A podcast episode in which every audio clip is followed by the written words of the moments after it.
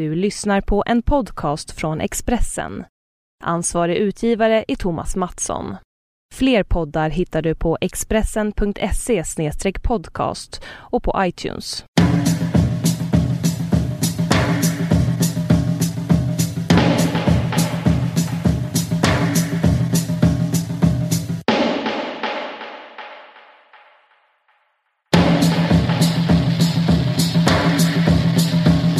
Hej och välkomna till En söker sin podd.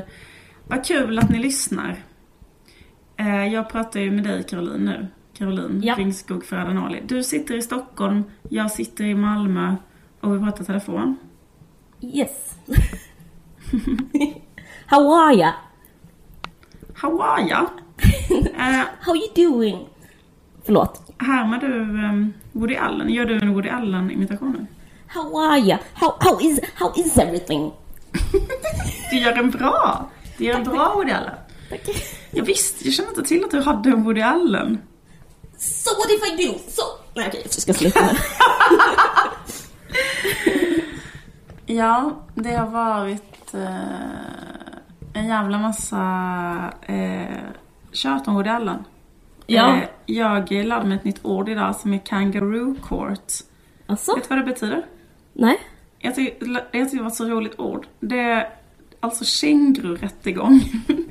men man kan inte säga kängururättegång på svenska, men på engelska finns ett uttryck som heter kangaroo court som betyder eh, bara en sån, eh, en keff domstol. Alltså typ en, alltså så här, alltså de, de skrev så här, Twitter har blivit en kangaroo court.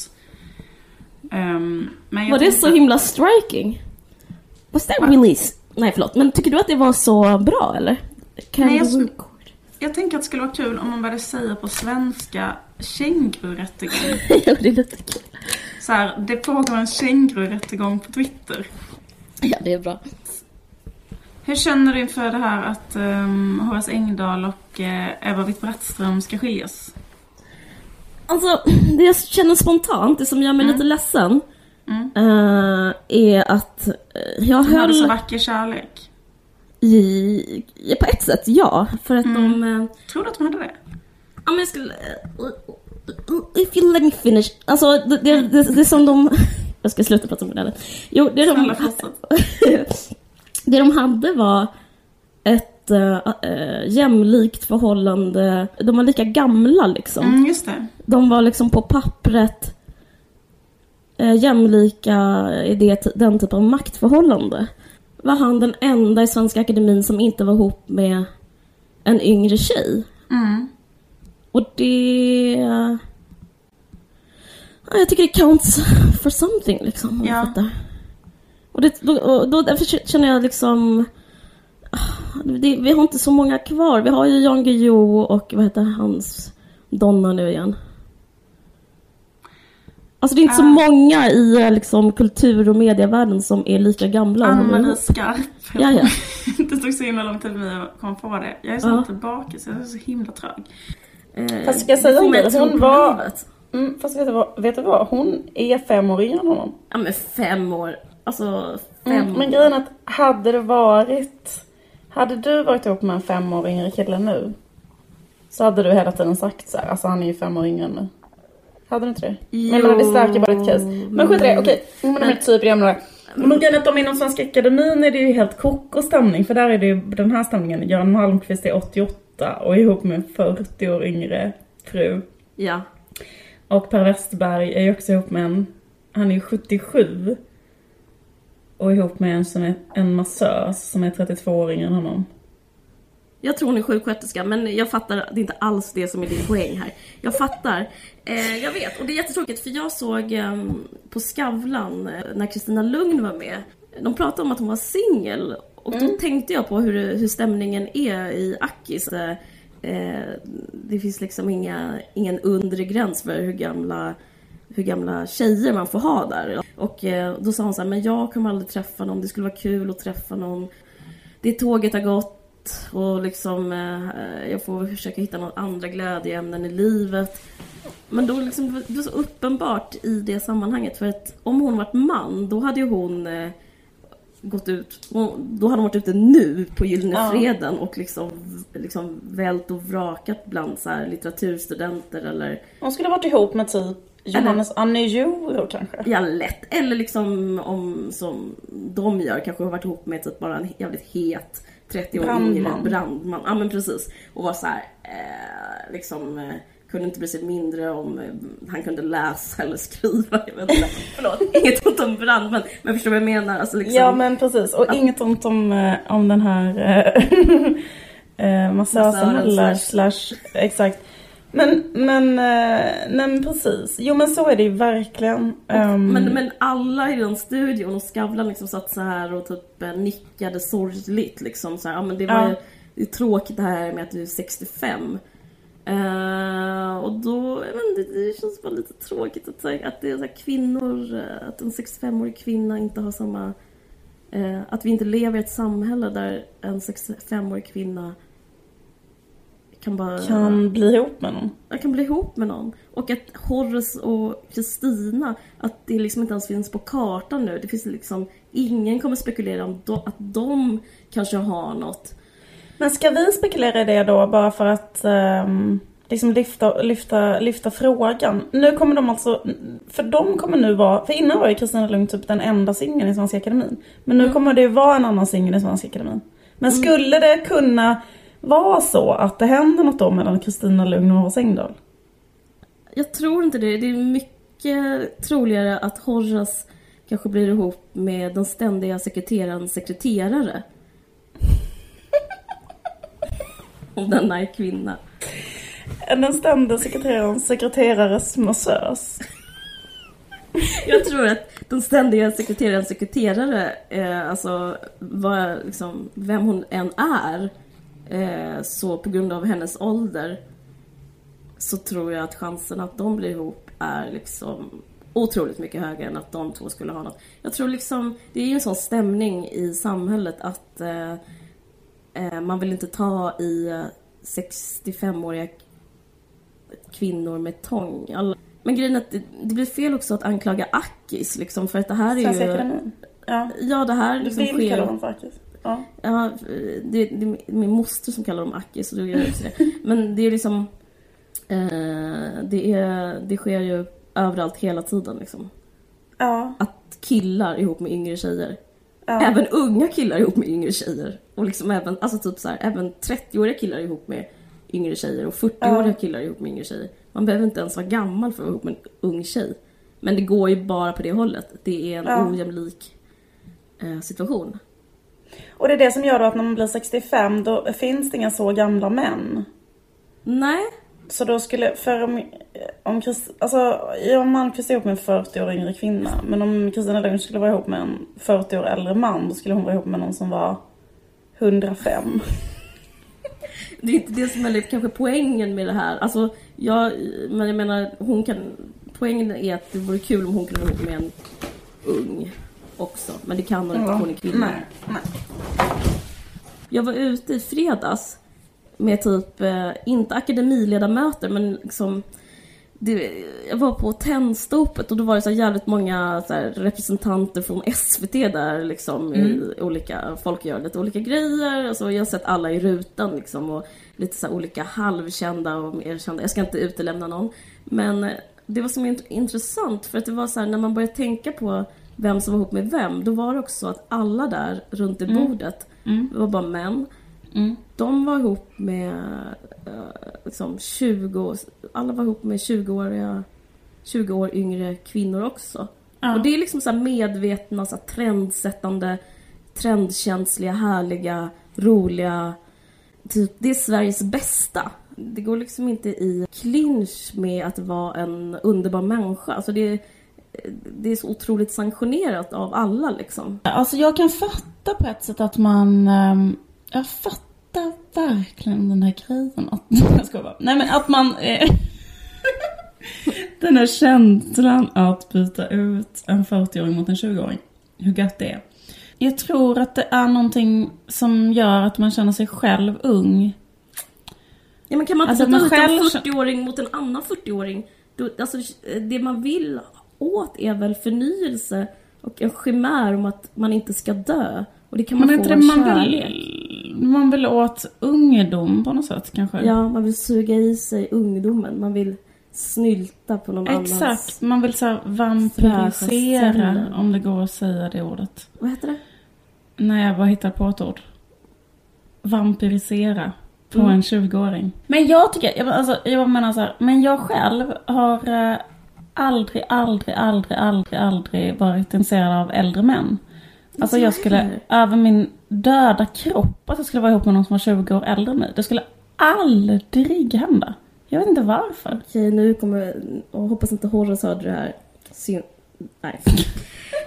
Nej, men jag Ja men, ehm, Nej, för att det påminner om, en, om döden. Eller hur? Men jag tror att i och för sig att en, att en fördel ehm, kan vara att man själv eh, känner sig eh, så jävla snygg. Typ tänkte att vara ihop med Jan Malmqvist. Jan Malmsjö. Göran Malmqvist. Ja, Göran Men kanske Malmqvist, inte du har honom så här rakt upp och ner i huvudet. Men du kan bildgoogla honom. Jag ska göra det. Man är Jag är ihop med 88. Jan Malmsjö då. Ja, men Jan Malmsjö... är, jag har mycket, mycket, mycket, mycket lättare för att fatta det utifrån det manliga perspektivet. Alltså det fattar man ju alla gånger varför man vill vara ihop med en jätte eh, pigg liksom 25-åring som får en att känna sig ung och bla bla bla. Det konstiga är ju varför de 25-åringarna är ihop med så här svingamla tv-personligheter, så tv-ansikten. Nej, men det konstiga är det Jag riktigt vill inte vara ihop med ett riktigt slitet gammalt tv-ansikte. Men tänk att vara ihop med 25 år äldre radioface. Det är inte kul. Det är inte Men- men, det, Ja. men, men jag tycker det konstiga är inte det. Det konstiga är att inte kvinnor också är det. Förlåt om jag stating the obvious feminist facts. Men, ja, förlåt. Men ja, apropå det, också eh, en stor... Eh, eh, då kan vi återgå till den här eh, kängurudomstolen Ja, som har varit på Twitter om Woody Allen. yes. Ja, men det, det har ju varit en massa... Vad, vad, vad har du tänkt om det? Du älskar ju Woody Allen. Du kan ju härma Woody Allen. Hans filmer. Ja, ja, visst. Absolut. Eh, nej, men eh, det är ett väldigt känsligt ämne, eller hur? Mm. Mm, jag vet, det är super, super känsligt. Så det går Jag nästan tycker inte att att Alec prata om. Baldwin hade skrivit en ganska bra grej på Twitter. Ja, visst. Eh, för då hade typ... ehm, för att Alec Baldwin var ju namngiven då i det här brevet som Dylan Farrow, alla som lyssnar på den här podden måste vara med på detta, men jag kan säga den då. En av eh, Woody Allens adoptivdöttrar skrev ett öppet brev att han våldtog henne när hon var sju. Yes. Och varför... Och så var det liksom lite anklagande, det var väl med anledning av att han fick den här Golden Globe Lifetime Achievement Award, Mm. vad det nu Mm. heter. Mm. Och eh, så var det lite an, då, då var det också, i brevet var det liksom anklagande mot Hollywoodstjärnor. Varför Mm. de, så här, varför blir han hyllad, varför får han eh, ett eh, pris, varför liksom. Och då namngav hon olika, Kate Blanchett och Louis CK och Diane Keaton, människor han har jobbat med. Alec Baldwin namngav hon också. Mm.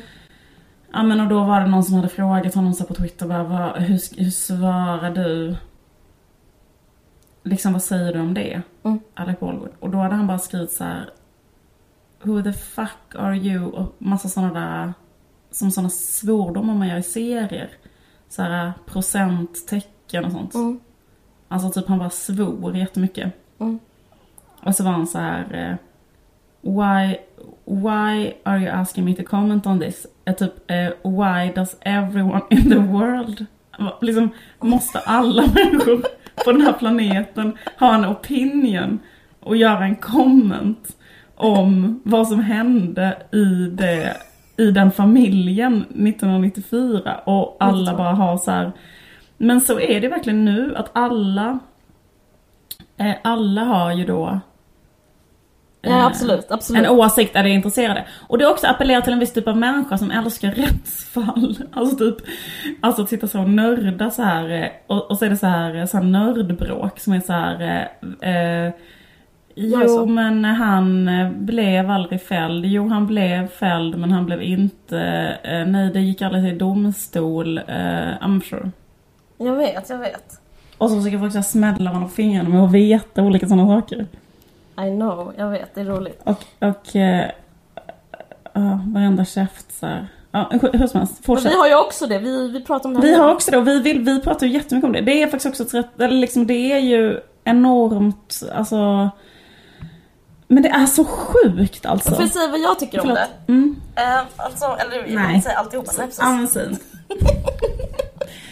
För att vi måste äta lite grann apelsin. Jag ber om ursäkt för det ljudet. Men, men eh, jag, det, det, det var så här, den, den ser så, jä, jag är så jävla jävla sugen på, på att äta den här apelsinen. Jag kan inte vänta. Men berätta. Jo, eh, jo, men det som slog mig helt osensurerat var den här meningen. Um, When I was seven years old, Wood Allen took me by the hand and led me into a dim closet-like attic on the second floor of our, our house. He told me to lay on my stomach and play with my brother's electric crane set. Then he sexually assaulted me. Okej, han tog alltså henne i handen och tog, drog upp henne på eh, vinden och bad Ja. henne leka med ett elektriskt tåg. Mm. Och grejen är, där, alltså det är typ första meningen. Det är så dåligt skrivet. Alltså det får, alltså det, jag började tänka, jag tänkte så här, den där, det är för dålig dramaturgi. Om man tänker hur Woody Allen är, skulle han aldrig så här göra en sån setting för sitt eget det är inte liksom där han skulle vara.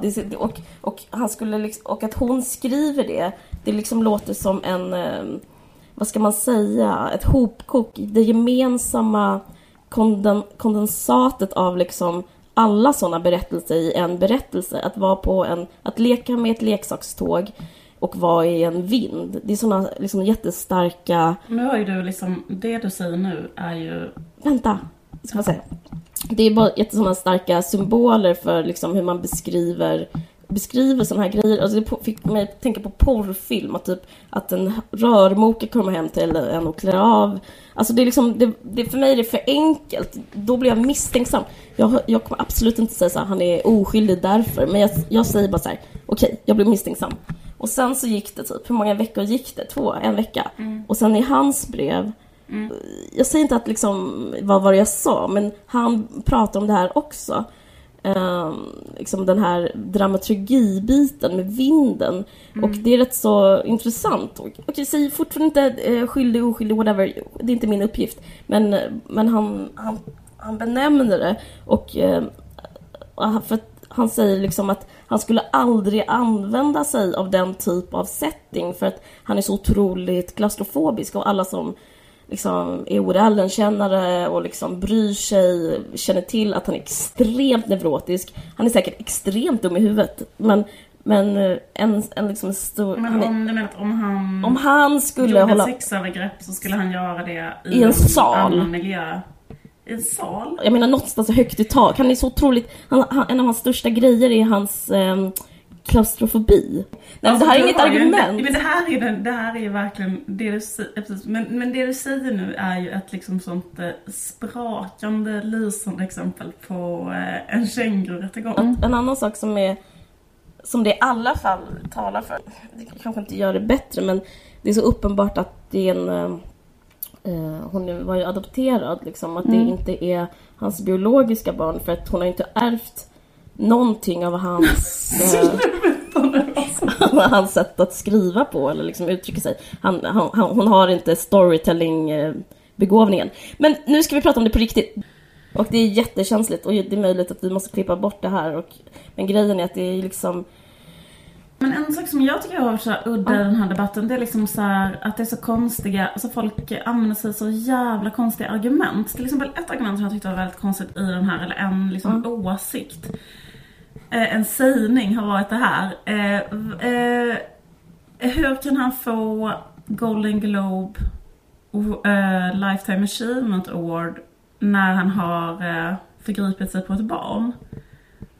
Mm. Och det tycker jag är liksom en konstig åsikt. Också på det sättet att ponera att han har förgripit sig på det här barnet och är pedofil.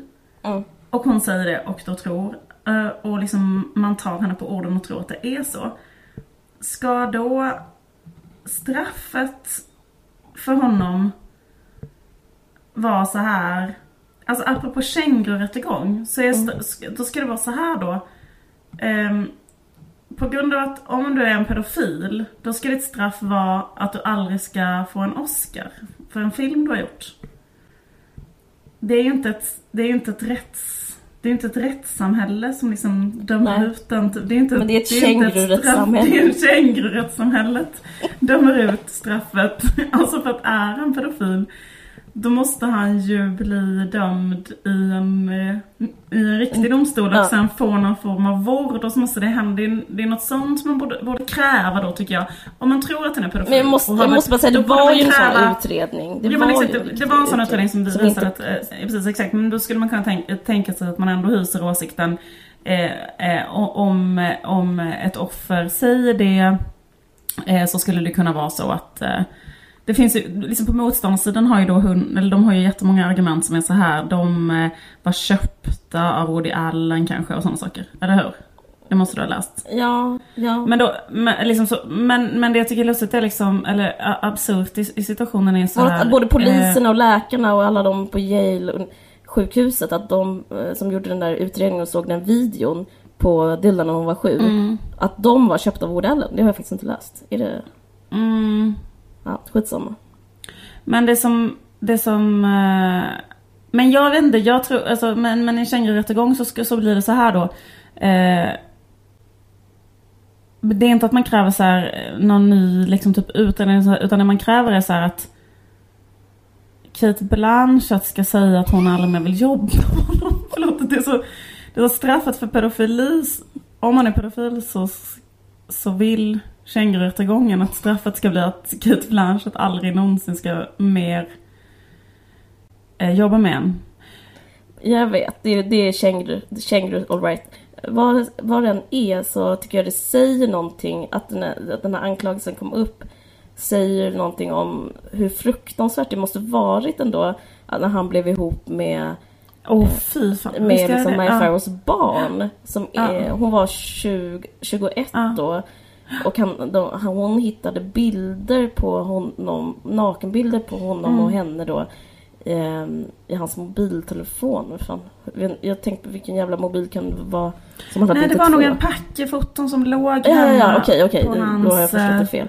Eh, men Nej, jag precis. tror absolut inte. Jag tror, men ja men precis. Eh, ja men det var ju så här pornografiska bilder på henne typ. Som han hade tagit. Det tycker jag också är så himla... Det, det vara så fruktansvärt. Det vara så fruktansvärt intrång i ens familj. Och, Ja. och eh, liksom, nästan alla reaktioner är förståeliga. Eller liksom, egentligen alla reaktioner på det är ju förståeliga. Mm.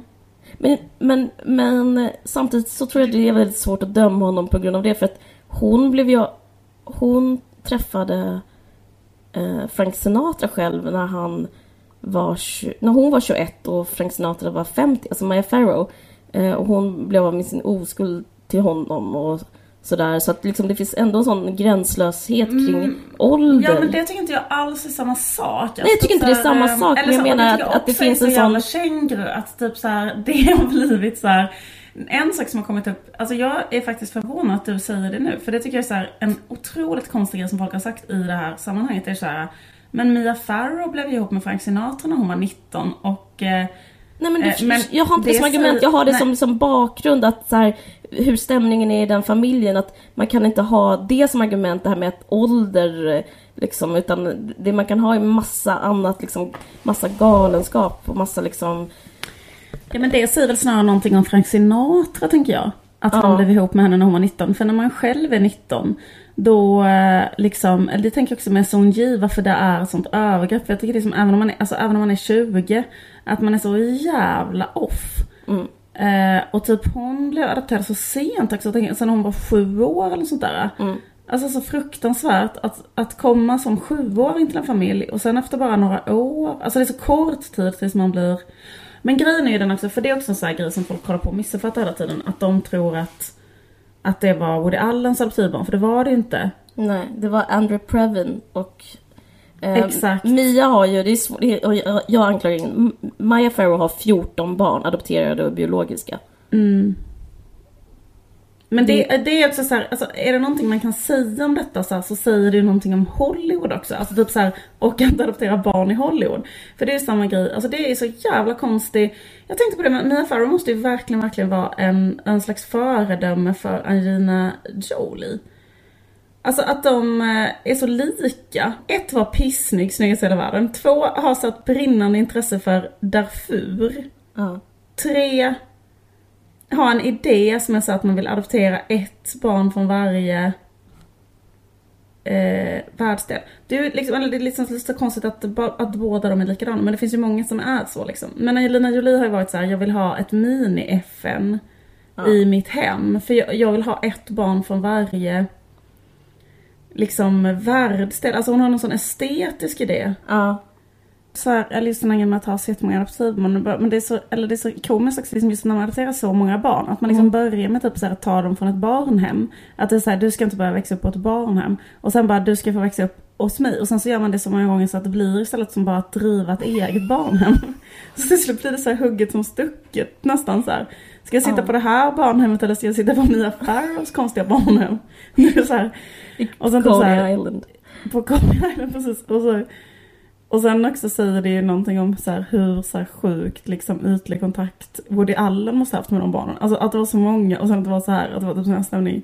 Han bara, uh, vad det sig på och så helt plötsligt bara, mm, vad är det här för snygg? Vad är det här för het tjej? Och så bara, men ja det är mitt adoptivbarn. Och så är han typ inte här. Man kanske inte träffat henne innan liksom. Nej, lite på han liksom inte, alltså han är så ointresserad av liksom, alltså säger något om hans, alltså vidden av hans ointresse för de barnen. Ja, ja, ja, jag fattar. Mm. Skulle kunna säga något om det. Eller så säger det någonting om något helt annat. Men det är ju, nej men absolut, nej men det är... Men hur många har eh, Angelina Jolie nu? Mm, det, hon har nog inte så många, hon har kanske sex totalt. Okej, ja. Men Jag vet, och sen, jag? men sen så blir det Det blir lite är- inflation i barn, det får man ändå säga. Till exempel så här. Eh, för Woody Allen och Maya Farrow hade, ja, liksom, har ju en biologisk son som är en Ja. Ronan.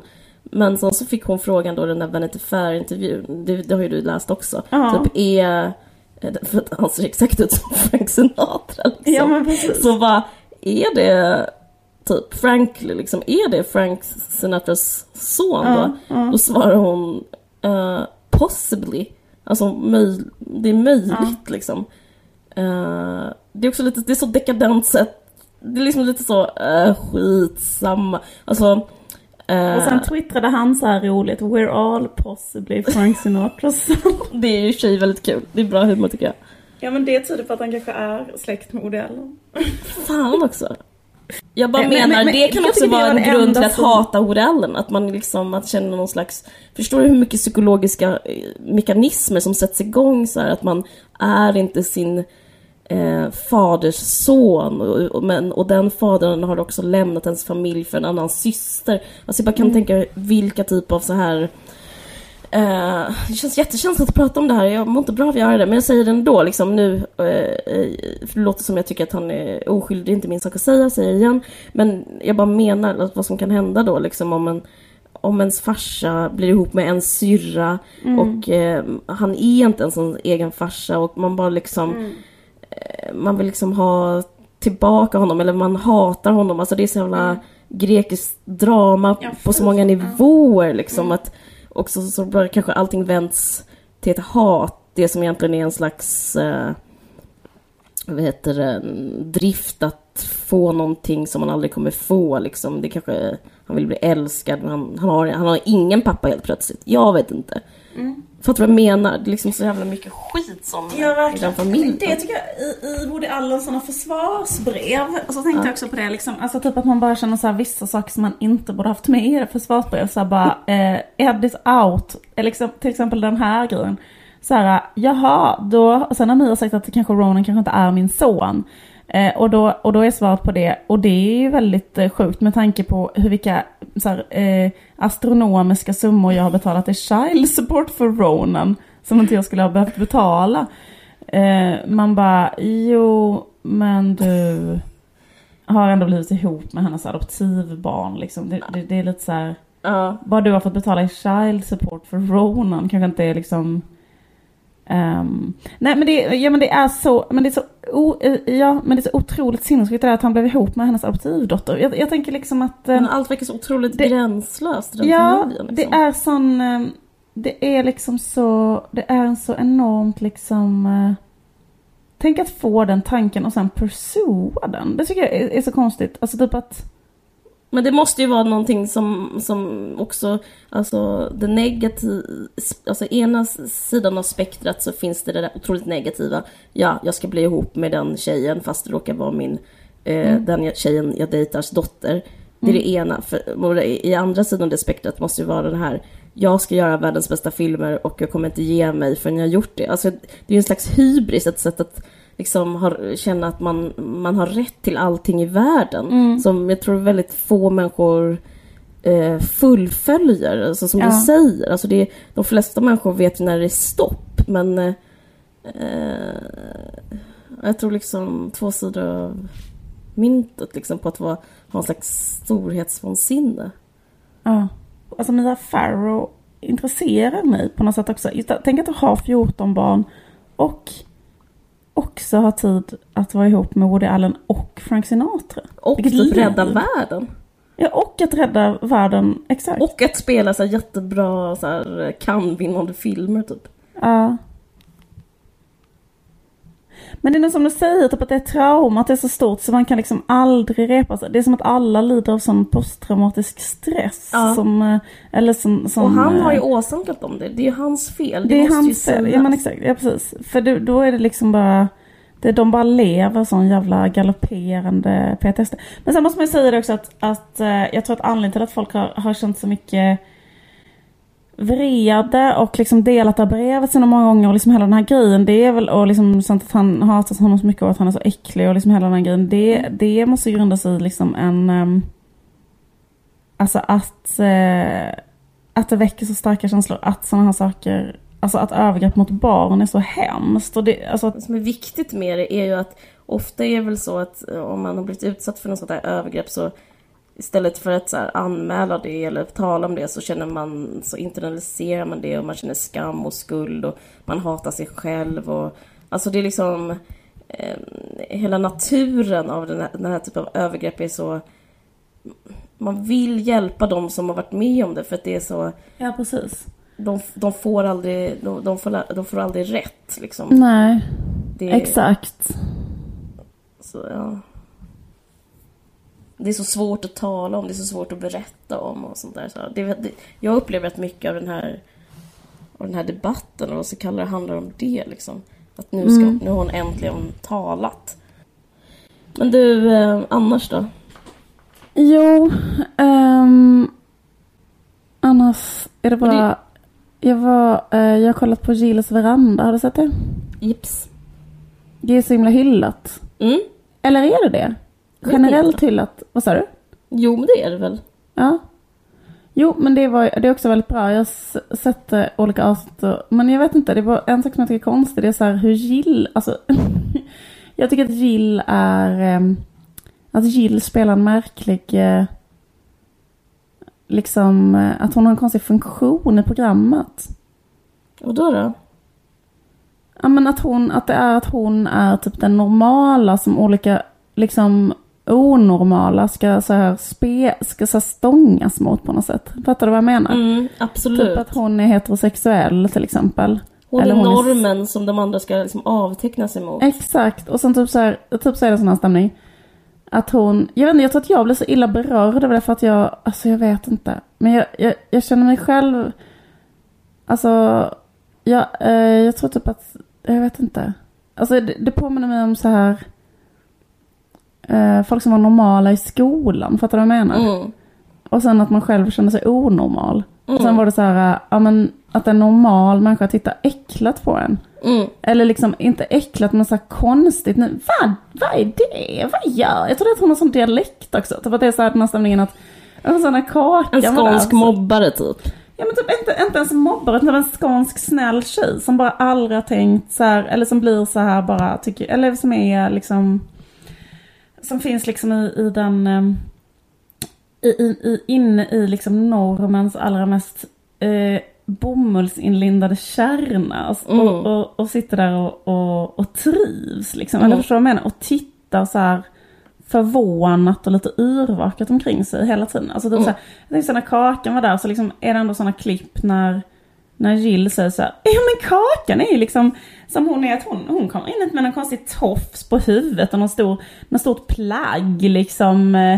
ehm, och då tänker jag så här, ska hon åka ut? Ska hon, ska hon, ska hon åka iväg sådär med bilen? Att hon ska hon inte byta om liksom, eller något sådär. Mm. Och så, och så är det liksom inte ett klipp när Kakan säger så här om Jill bara, alltså eh, Jill har eh, inflätade flätor, eh, Jill har en omlottklänning och boots. liksom, eh, vad är grejen med att Jill så här, eh, liksom eh, har den här, eh, har sån här schlager country Klä, eller fattar du, men man hade lika gärna kunnat problematisera Jill som, eh, som, som liksom Jills, eh, jag trodde inte att Jill skulle gå ut på scenen i en omlottklänning men hon gjorde det. Och jag är så jävla äcklad och chockad av det. Mm. Hade, man, hade ju någon kunnat säga. Men då är det bara. Mm. men Jag vad du liksom bara- menar men samtidigt tycker jag liksom, det är väl bara liksom ren och skär dramaturgi för annars skulle allting vara helt platt väl liksom. Eh, alltså hon, hon, hon ska ju spela the straight guy som de, alltså eh, det, hon är ju tittaren, tittaren som är så här Jaha, en, en svart, en bög, en flata, en eh, typ dvärg. Jag vet inte vilken som kommer i kommande Jo men avsnitt. tittaren är väl också en eh, flata, en svart, eller fattar du vad jag menar? Jo men, eh, men Eller är det inte, typ inte, här- inte, inte normtittaren, inte det populistiska tänket att man ska vara, det, det är ju alltså inte svenska folket.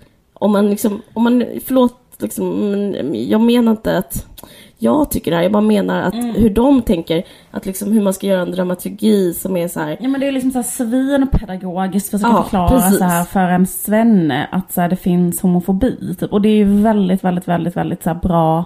Det är ju extremt pedagogiskt förklarat. Det var ju Precis. verkligen så en enormt pedagogisk le- lektion i så här varför homofobi är fel. Eller varför det, eller att det gör ont eller så här. Men ja, samtidigt men så det blir det liksom... liksom, det går via Jill. Jag visste inte det här innan. Så Hennes, liksom, det slutar ju alltid så. Jag visste inte det här innan, men nu vet jag det. För nu ser jag att hon är ledsen. Liksom. Ja men det blir också så konstigt för det känns också som att, liksom att det blir, att det kakan blir ett offer för att, eller liksom, eller, eller så att det var så här. Nu ska du åka hem till typ den mest homofoba människan i världen. Du är flata, varsågod åk hem till så här, eh, USAs mest homofoba kärring som är sinnessjuk och kommer sitta och säga så här fruktansvärt kränkande sinnessjuka saker. Men liksom, varför ska hon behöva bli utsatt för det i TV? Och då typ sitter hon bara och gråter för det, Såklart gör man det. För det är ju jätte, jättehemskt. Det är ju som att så här, eh, um... Absolut var det hemskt. Det är, det är jättehemskt. Men hon, eh, det är ju så kallad bra TV. Jo men precis, det är bra tv men... eh, Men just det. Men sen såg jag också när det var... Uh, alltså den här rapparen Rickard Skiss, Biss, Bissi, eller vad heter han? Skiss heter han. På, som, alltså, men skitsamma. Men det var så här. Ja men jag vet inte, men det var också så här. Det var så sjukt för då var det typ att hon ville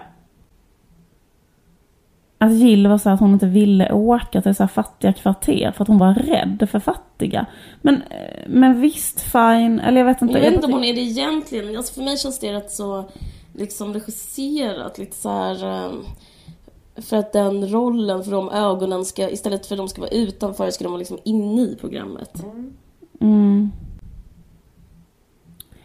Fast jag fattar Men- vad du menar. Jag fattar vad du menar. Men liksom varför ska man utgå från att typ en skånsk eh, alltså en konstig högstadietjej typ är den alla identifierar som, eller jag vet inte. Ja, det är lite, det är problematiskt. Jag håller med om det. Och sen en annan sak som jag känner, det är att jag känner att de typ inte, att hon, eller att så här, hon inte har, att hon inte fattar vad programmet går ut på. Får du den känslan? Nej, eller hur menar Jag vet inte riktigt vad du menar. Typ så att det känns som att programmet ska vara så en lektion i homofobi typ. Men hon tror att det ska bara komma dit någon och sjunga med henne fast det är inte nej, det som för fan. Nej, vadå? Det är klart hon vet det.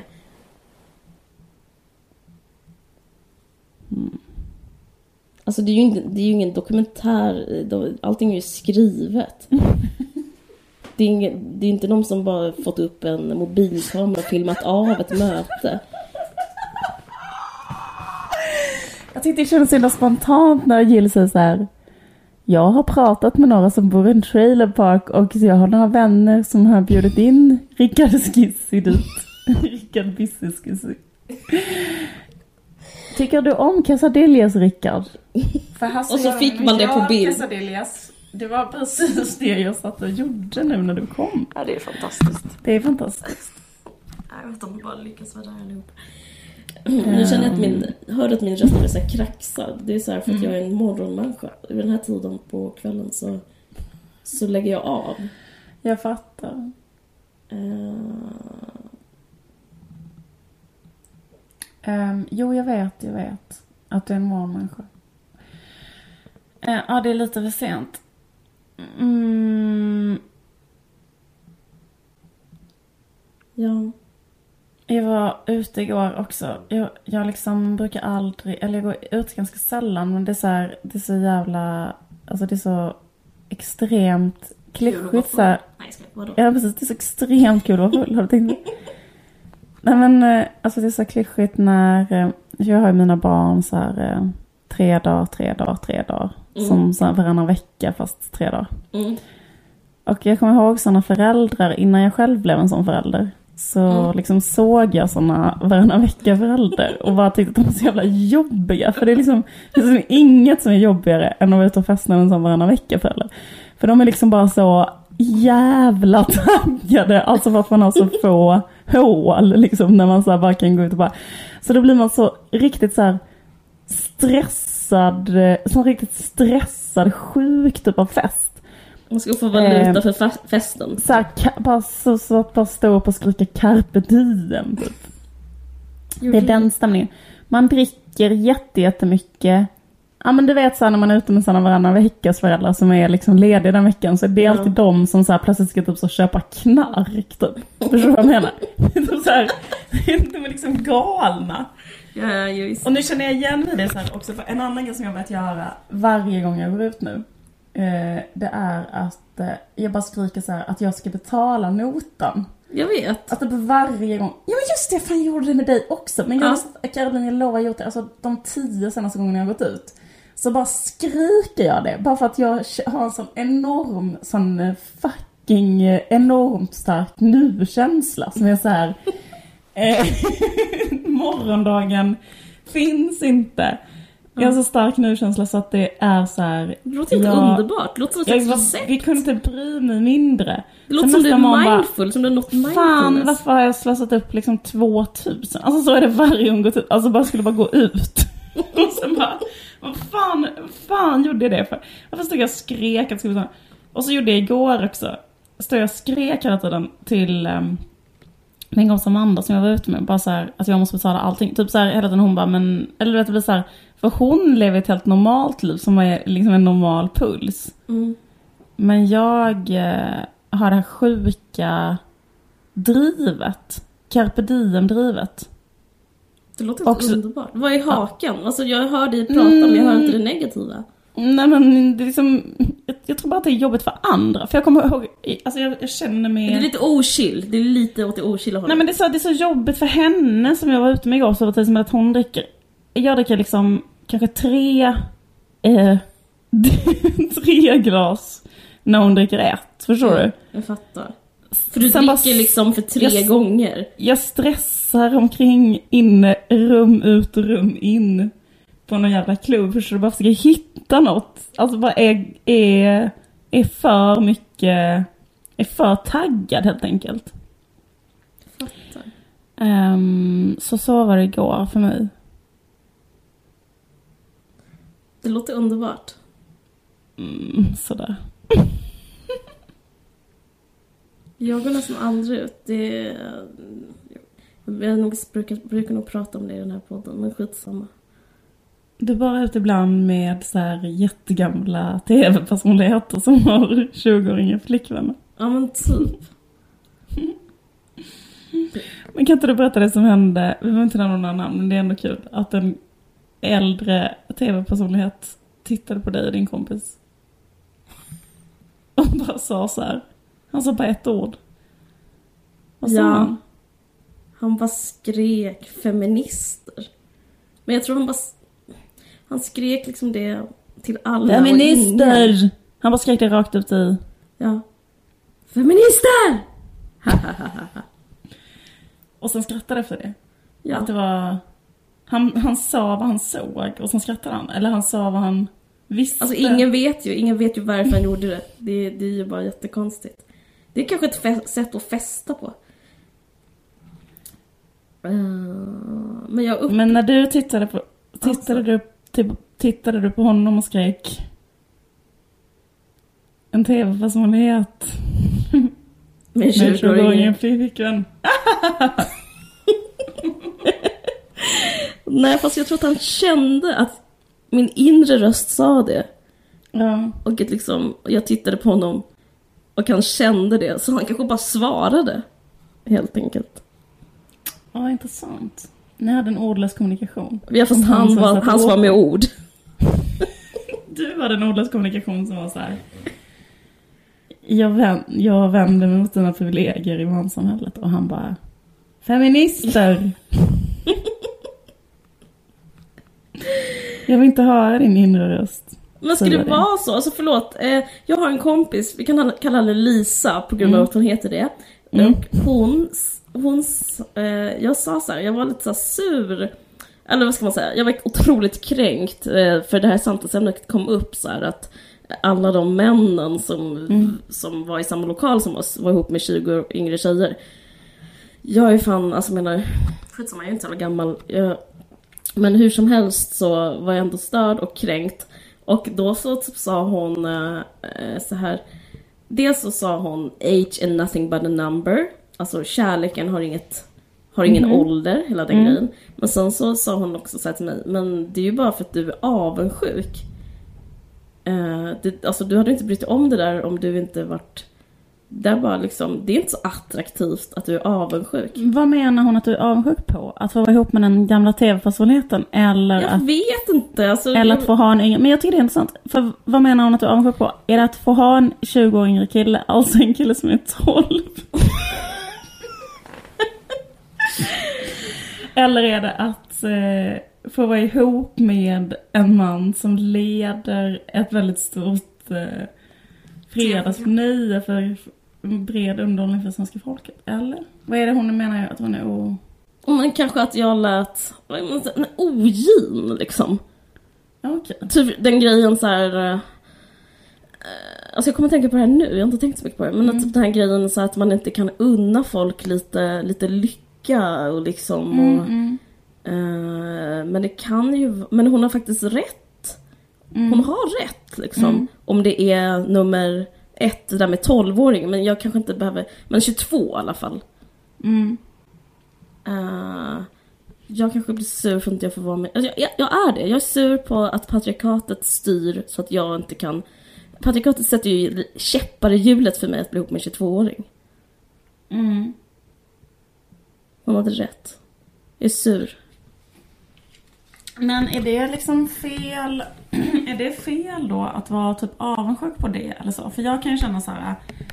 Ja men eh, när jag blir en 65-åring. Alltså jag tänker som hur Kristina Lugn är. Liksom Kristina Mm. Lugn är ju Sveriges Det- bästa poet. Man vill Alltså, ju hon- bli henne. Hon är ju en Ja, förebild. Liksom, och, eller bara tänker så här hur, hur mycket hon har gett, hur fantastisk hon är, hur många extremt liksom, dedikerade läsare hon har och fans. Och, du vet, hon är så bred också. Eller så hon är verkligen så folklig, eller så otroligt folkkär, älskad.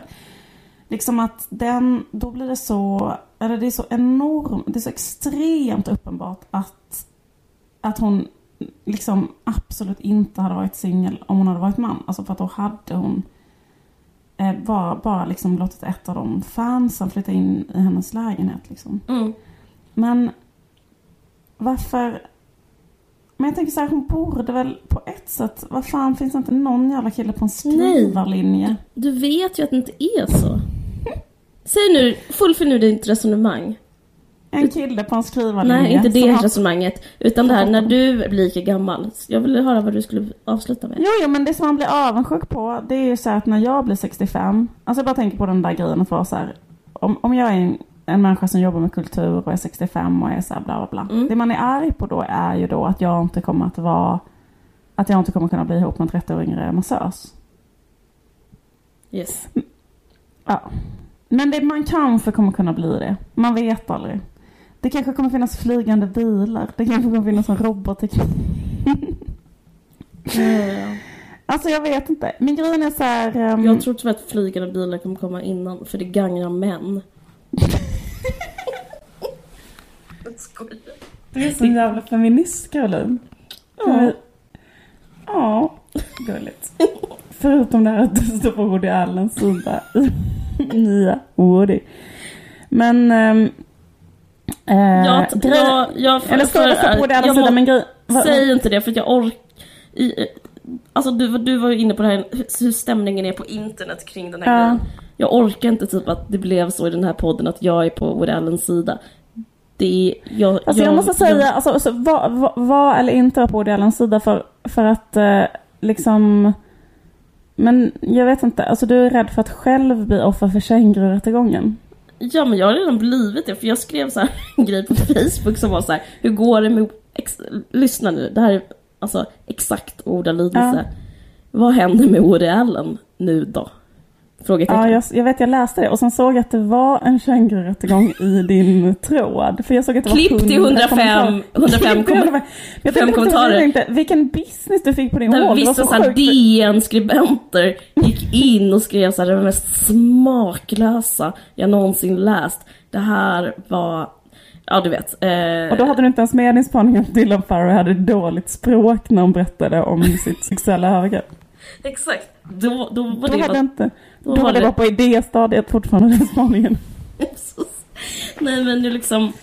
Så det går nästan inte att prata om det här för att det är så... Det, man blir så jävla halshuggen i den här rättegången. Ja men folk kände så här, eh, ja men det att han har blivit ihop med Son Ji gör att jag tror att han är kapabel till vad som helst. Jag tycker bara att han är äcklig och jag vill inte att han ska ha en, få en Golden Globe. För jag är Det tycker jag är en på... dålig analys av samtiden, för samtiden är ju liksom, okej, det är inte vanligt att bli ihop med någons dotter, men det är jättevanligt att bli ihop med en 20-åring. Alltså det är det vi har Ja. tjatat om hela programmet. Mm, Alltså ta en nummerlapp, vem fan Mm. har inte det? mm.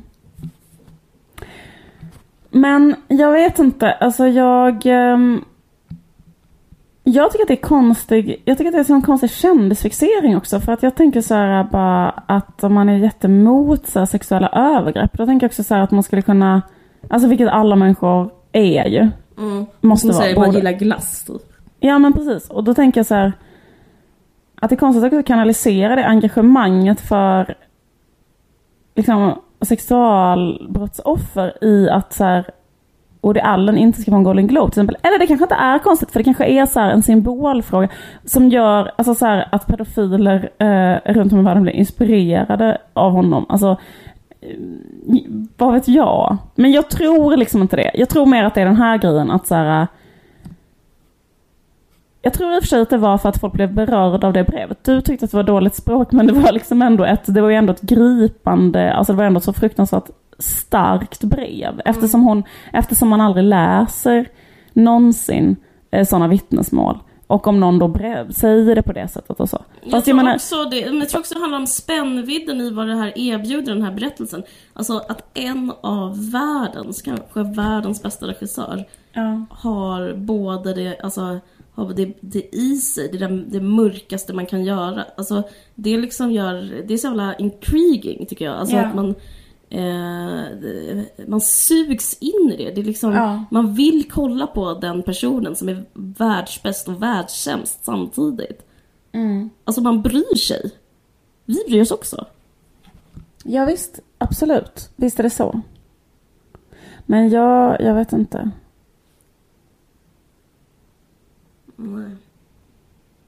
Men det är också, det är någonting med sexuella övergrepp som gör liksom, som gör, alltså det är så här.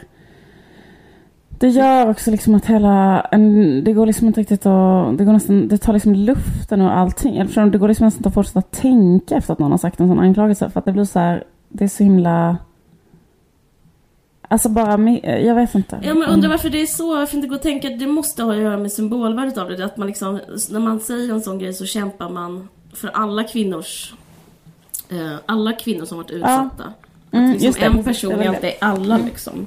Att liksom en våldtäkt är... eh, Och jag håller med om det, alltså att en våldtäkt fälls gör liksom någonting för alla offer där ute liksom. Det, och det, och det är ju man nu... Det är ju en viktig fråga, det är otroligt viktigt. Ja, fast det som jag tycker är så jävla... Eh, liksom jobbigt ändå, det är så här folkdomstolar eller kängrurättegångar. Mm, alltså typ att det, absolut. att det liksom... Men det är speciellt det här vi- att liksom... Du känner ju till, vad fan heter han? Det har ju varit samma grej mm, på Twitter och på Instagram om den här eh, Chris Brown, den här eh, rb artisten har också Ja. varit en sån kängururättegång. För då, alltså var det han som var ihop med Rihanna som misshandlade henne? Det är ju uppenbart, alltså Mm. Det har han gjort. Och det är också mm, liksom att han inte ska, alltså att han inte ska få Känguru-rättegången dömer honom till att inte vara verksam längre som artist och typ sådär. Alltså det blir... Men... eh, Ja, skit i det. Skit i det. Men du, jag ska bara säga Ja. en sista sak om det här. Mm. Borbymannen. Okej, vi kanske inte behöver ta det, men för mig Jo, så är det... det. Jo, men alltså Ja, när vi växte upp, Mm. eh, vi väx, liksom bodde, jag bodde utanför Simrishamn, du bodde längre bort på landet.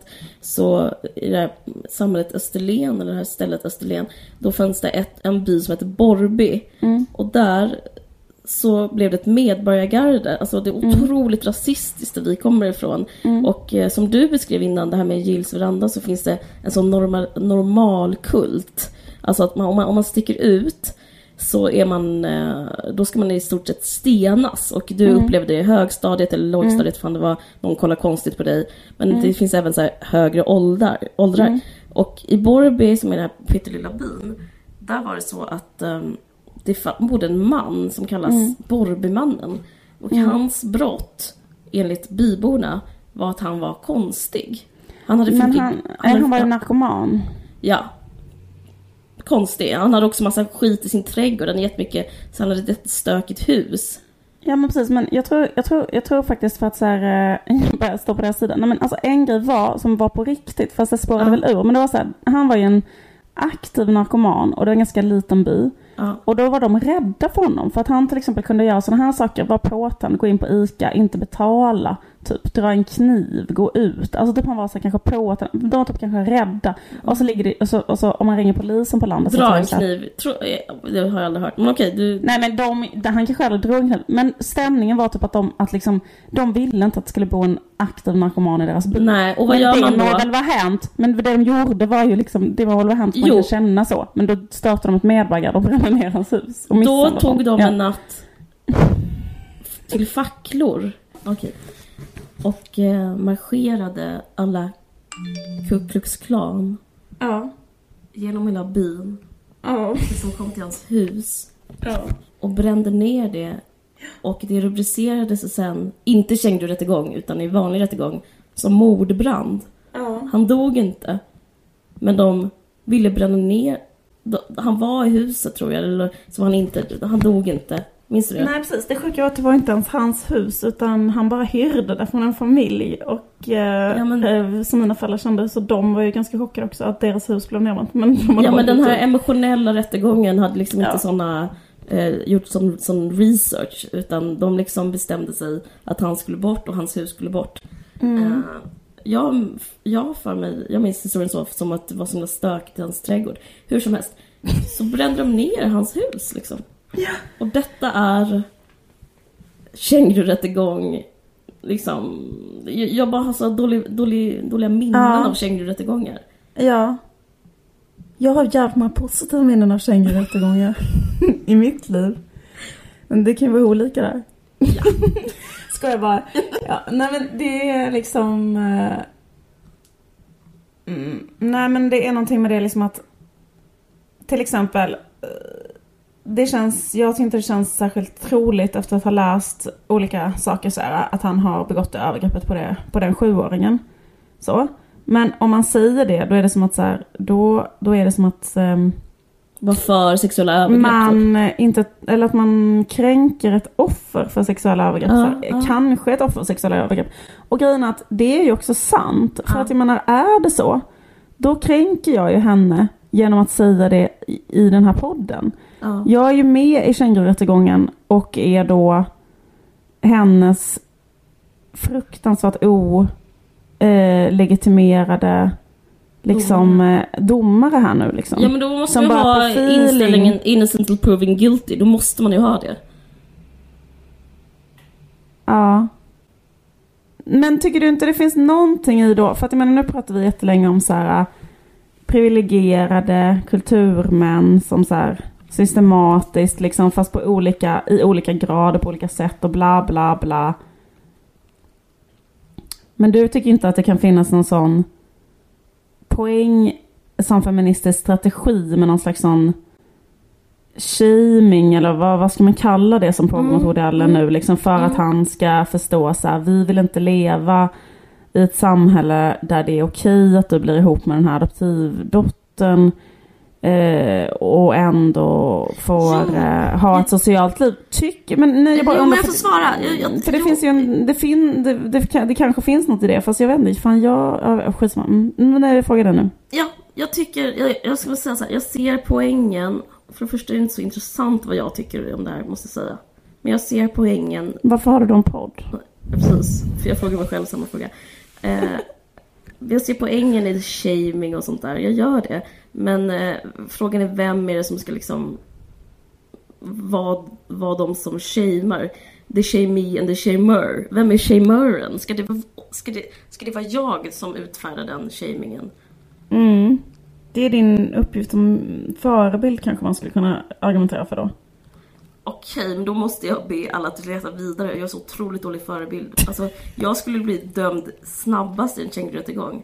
Ja, Alltså jag, jag... jag vet. Du, ja, eh, jag ja, hittar på skit. Ja, dagen är ända. Ja men exakt, det, det... Alltså jag menar bio, Men har du biografiskt ihop skit. någon gång med din killes adoptivson? Alltså jag minns inte, det är möjligt. Nej men jag ska, jag ska inte skämta om det här. Men jag bara menar att eh, jag eh, är... Skit i mig, vi behöver inte prata så Nej, mycket men det är om mig. intressant, Jag menar, det säg, men det är- säg att jag är- blev en uppburen regissör och författare. Mm. Alltså...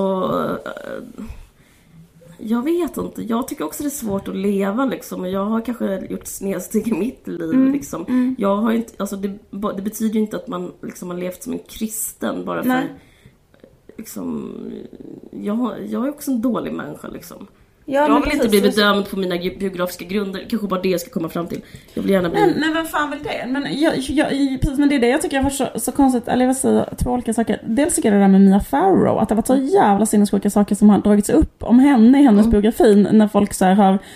är inte eh, det till LOL? Är inte hon så himla LOL, Maja? Jo, men, jag, men nej, men, jag, jag, men typ den här grejen så här, att så här, eh, liksom försöka skriva en försvarsartikel för att försvara Woody Allen, som han till exempel Michael Wolff har gjort, som har gjort den här svinbra dokumentären om Woody Allen. Eh, och då liksom skriver han, han verkar ändå vara en vettig människa, han har gjort liksom två timmar jättebra dokumentär om Woody Allen, eller ännu med fem timmar, fattar du vad jag menar? Ver, verkar helt normal upphovsperson bakom dokumentären. Sen har han skrivit en sån ludicrous eh, eh, försvarsartikel. Eller delar är väl okej, men delar är så här. Vem är Mia Farrow att säga att eh, Woody Allen har gjort fel? Hon själv eh, hade ett förhållande, stal en gift man när hon var ung, vilket gjorde att den eh, frun eh, blev jätteknäckt och skrev den här låten eh, Watch out for young girls, eller sånt där. Mm, det är förryckt. Ett Eh, och då, då, det är ett förryckt argument och det hade, hade jag även Woody Allen i sin eh, text. Bara, när Mia var ung så blev hon ihop med en gift man och tog den mannen från en kvinna som var ihop med honom. Man bara, eh, för, för då är ju, detta var ju ett sätt, eller detta var ju så här att försöka bevisa att Woody Allen inte har så här, eh, våldtagit en sjuåring. Och då är det en sån här stämning. Mia Farrow själv blev ihop med en gift man. Men måste... Så vem är hon att säga att det är fel att våldta en sjuåring? Jag Alltså, fattar, det den, det- den, den Daily Beast-artikeln är bananas. Det, men, men, men det måste väl ha refererat till att han blev ihop med Son Ji, inte att han eh, tryck- liksom assaultade en sjuåring. Ja, jag vet. Jag tyckte bara att det lät roligare. Ja, förlåt. men men, jo, den är galen. Men får jag säga en sak om det där med Chris Brown och Rihanna? För Ja. det tycker jag också är så intressant. För då blir det så här... ehm, för, för då tror jag att det man vill då, när kängururättegången vill att ehm, Chris Brown ska sluta vara verksam som artist. Nu måste jag säga så här att det finns ingenting som jag eh, förstår mindre än att lyssna på Chris Brown. Alltså det är typ det som får mig att känna mig mest, eh, ställa mig mest frågande till kulturen. Jag bara, de, alla bara såhär, bojkotta en Chris Brown-konsert. Jag bara, va, varför skulle någon, någon gång gå och lyssna på den musiken? Det fattar inte jag. Eh, men eh, det är bara så himla främmande för mig. Det är det sista jag skulle göra i hela mitt liv. Alltså oavsett vad han har gjort mot Rihanna. Hur som helst. Det som, det som, det som jag tror att man vill sätta fingret på där. Det är så här, den här åsikten.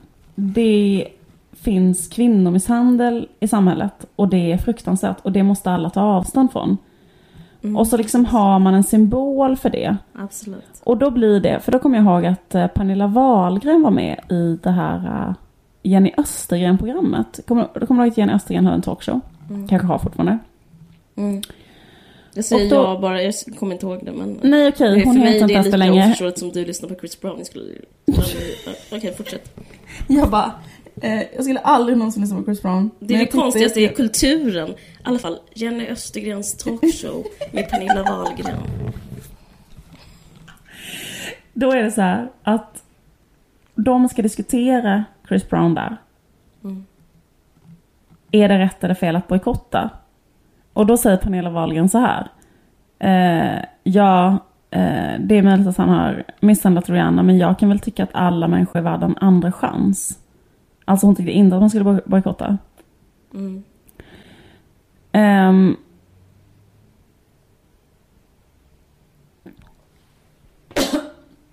men det jag menar, eller alltså så här, för där kan jag, för där kan jag ändå liksom tycka att Känguru-rättegången fyller ett syfte. Syftet är att berätta så här att det inte är okej att spöa kvinnor kanske. Absolut. Och syftet är också att säga så här, för då tänker jag när Pernilla Wahlgren säger så här, alla människor har en andra chans. Då går det emot all forskning om kvinnomisshandel som finns där det finns en väldigt tydlig, eh, eh, en tydlig, eh, en, ett tydligt system som är så att man måste gå efter första slaget. Man ska så aldrig ge en kvinnomisshandlare en andra chans. Man ska aldrig gå på second date. Om man har blivit spöad en gång så ska man aldrig mer ha med den personen att göra. Alltså typ så som kvinna handlar det om flickvän. Bla bla bla. Därför blir det så, så, så Men, eh, ja, hon pratar inte om flickvän. Men kan vi inte med att Rihanna ska ge honom en andra chans? Alltså, jag fattar, men hon sa väl det till, liksom, till samhället att typ om han blir... Liksom, hon vände sig väl inte till Rihanna som sa att hon, att hon skulle så här, Rihanna, if you hear this, eh, typ stand by your man. Alltså du måste väl, Jo, måste väl hon mena, när någon men- har så här blivit avtjänat sitt straff eh, eller böter så måste vi ha ett rättssamhälle som, som säger nu är du en fri man igen, liksom. Eller? Ja men hon vände sig till Rihanna och började prata engelska och sa så här. I think you should give Chris Brown a second chance. Okej, eh, en till second chance. eh, För att de hade ju redan blivit ihop en gång till. Men, men sen gjorde de slut. Kan inte understrykas nog. Kan inte så nog så här. Snälla. Jag vill att det ska vara ett sånt eh, on-off eh, förhållande som ska pågå i ett decennium till.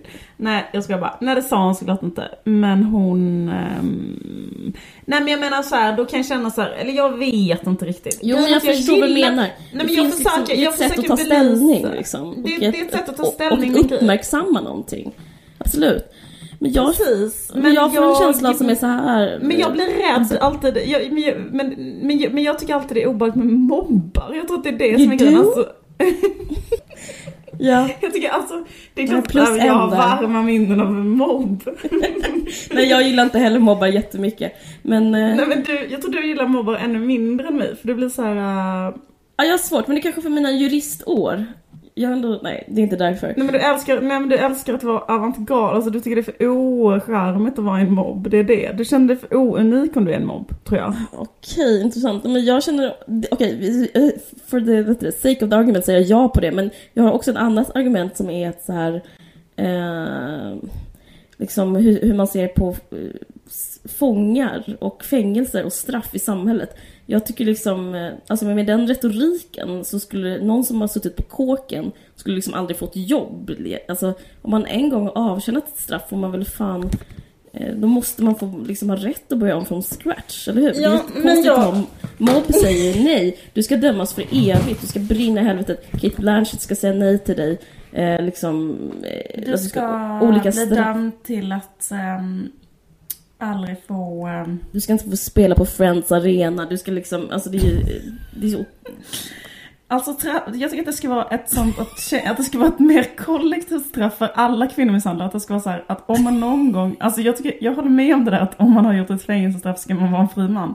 Men efter det så tycker jag att det ska finnas ett additional och det är så här att om du någon gång misshandlar en kvinna så ska du aldrig få spela på Friends Arena. Ja, okej. Alltså någonsin. Ah, även om du startar ett band, det börjar gå bra. Så Det blir inte Friends Arena för dig gubben. Friends Arena för dig. Nu är jag faktiskt inte ironisk, jag tycker faktiskt att det skulle kunna vara så. Jag Ja, men Instagram är det, så pass det må så vara. Jag, skojar men jag, jag tycker jag bara skojar. finns en sån vidrig stämning. Eh, det känns som jag pratar så himla i plattityder för alla håller väl med mig att eller i alla fall eh, liksom Du står man, upp för så här att... Eh, ja, men, att jo, få, jo, men- jag menar bara att, att liksom, om man liksom sluppit ur kåken, Mm. det låter som att jag känner folk på kåken, ja, vad ska man säga, fängelset då? Eh, man, jag känner ingen på kåken, förlåt. Jag säger inte kåken, jag kallar fängelset för den goda smakens skull. Jag, Ja. jag vet inte till mina egna privilegier, jag känner ingen på kåken. jag känner någon på kåken. Men det gör inte kåken till kåken för mig, hur? Hur som helst. Säg Sonny. Sonny Ja. kommer ut från kåken. Sonny, Tony eller Ronny kommer ut från kåken. Ja men i... i Förlåt. Men jag såg faktiskt på Leif GW, mitt favoritprogram, då berättade han att det här är faktiskt inte en fördom utan det var statistik Nej, jag vet, på jag vet, jag vet, innan. jag vet, jag vet. Skitsamma. Då kommer man ut där och då så... Eh, då måste man få typ söka jobb, söka jobb liksom, jag vet inte, vad fan som helst liksom. Vilket brott man än begått. Ja, ja, alltså det... det Men jag tycker det är samma retorik fast Ja men liksom, visst är det så, liksom, det är så jag håller med om alla, alla, alla gånger. Men jag tror att det är något annat som man eh, eh, eftersträvar när man håller på med en känguru-rättegång. Och det är att man vill att det ska finnas normer i samhället. mm, mm. Som gör att man ska bli socialt utfryst om man gör en viss typ av saker. Och då kan man väl tänka sig att Alltså att så här, i takt med kanske kvinnors ökade rättigheter eh, så Mm. kanske det är mindre okej, jag vet inte vad, till exempel att ha ehm, många fruar kanske eller något sånt där. Det kanske var någonting som var socialt accepterat. Eller fattar du vad jag menar? Jag vet inte Jag vad. fattar, Eller, jag, eller någonting, men menar. så Jag, jag, jag typ vägrar ta eh, rollen som antifeminist i det här samtalet. Nej, nej, nej, men jag vill absolut inte att du ska göra det heller. Jag försöker bara Ja. eh, belysa den andra sidan. För, och då vill man så här att så här, eh, det är inte längre okej, eh, det är 2013, det är inte längre okej att spöa sin flickvän. Eh, och att eh, eh, liksom kan ni sluta med det nu någon gång? Eller så här, det är väl Ja, det, det, är väl det precis. man ska vill, säga. Man, man vill ha en sidan- strömning, man vill ha en vibb, en norm Mm, som är så här. mm, precis, som är vi, så här- vi vill kommunicera att det här, så här vill vi ha det liksom. Ja men precis, exakt. Ja, men då finns det ju en poäng. Men i Yes. den poängen, alltså det är så roligt för det är som metagrej. Vi är ju den största kängururättegången här. Mm. Men skitsamma. Eh, i, de, I den här poängen, är den applicerbar tycker du på Woody-fallet? Nej, för jag tycker att det finns en jättestark social norm redan. Som är att det inte är okej att gifta sig med ett sitt adoptivbarn. Mm. Och eh, inte heller sexuella övergrepp mot barn. Eh, det är liksom... Mm, ja. Så, Ja. så därför så känns det som att jag... Eh,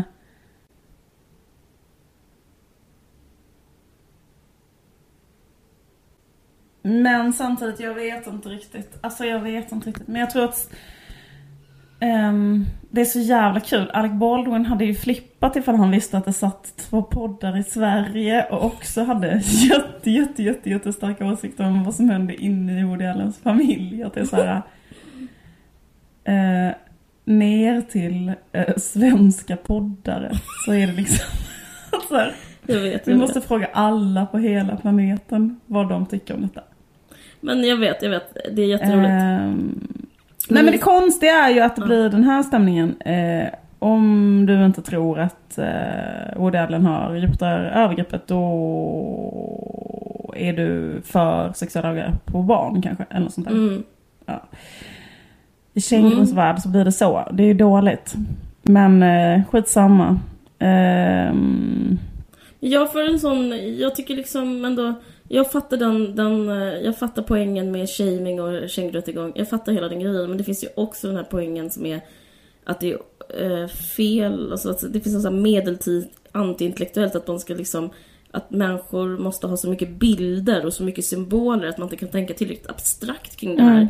Att en person behöver inte ställas mitt på torget och liksom kastas och så här käras och fjädras och stenas och allt vad, jag vet inte, medeltidens ritualer Ja, var. Men jag ja. menar, man måste kunna hålla tre, fyra tankar i huvudet samtidigt utan att ha såna här symboler. ja. Eh, för det blir liksom eh, ringa på vattnet av offer. Det är nya offer i så fall. Alltså det blir, man måste liksom kunna gå från eh, Alltså jag vet inte om det är för att vi lever som personfixerad, kändisfixerad kultur att man alltid måste hänga upp Det tror saker på andra Absolut, liksom. Ja.